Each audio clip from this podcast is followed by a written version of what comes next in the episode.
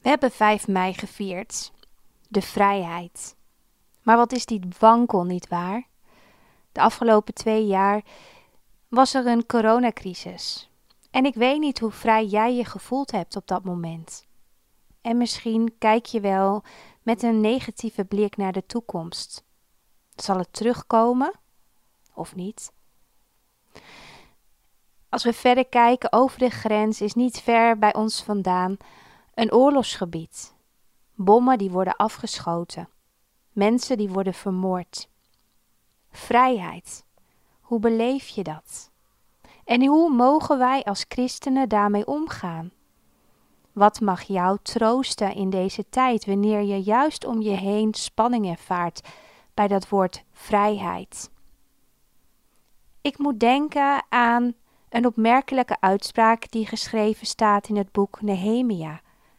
Daar staat: Deze dag is gewijd aan onze Heer. Wees niet bedroefd, want de vreugde die de Heer u geeft, is uw kracht. Laten we eens kijken naar die tijd, in de tijd van Nehemia.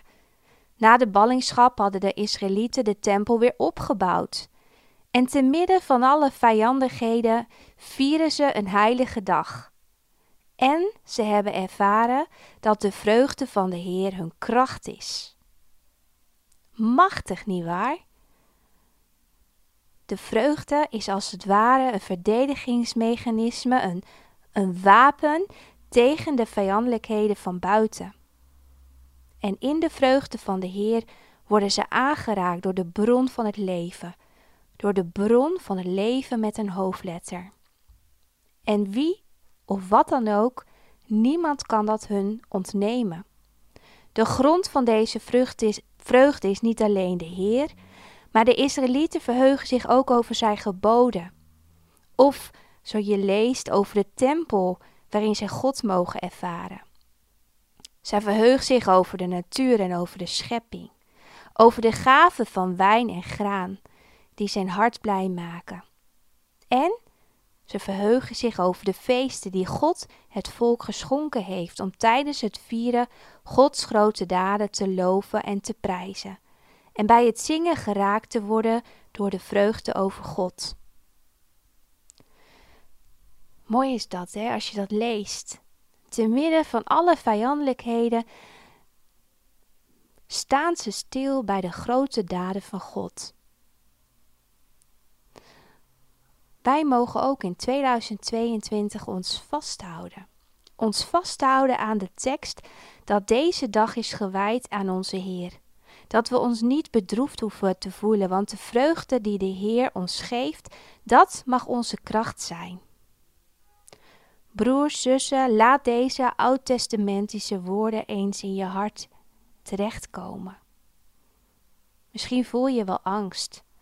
Misschien voel je je niet zo vrij. Misschien ken je geen vreugde op dit moment, maar weet dat er ook in jouw hart een verlangen is gelegd. Een verlangen naar de vreugde. En bij God is het te vinden. Niemand kan jou dat ontnemen. Vertrouw erop en verheug je over wat God je dagelijks wil schenken. Hef daarom te midden van alle vijandelijkheden het glas.